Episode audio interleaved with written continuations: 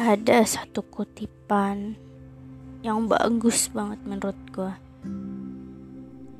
Gini, orang yang beradab pasti berilmu, tapi orang yang berilmu belum tentu punya adab.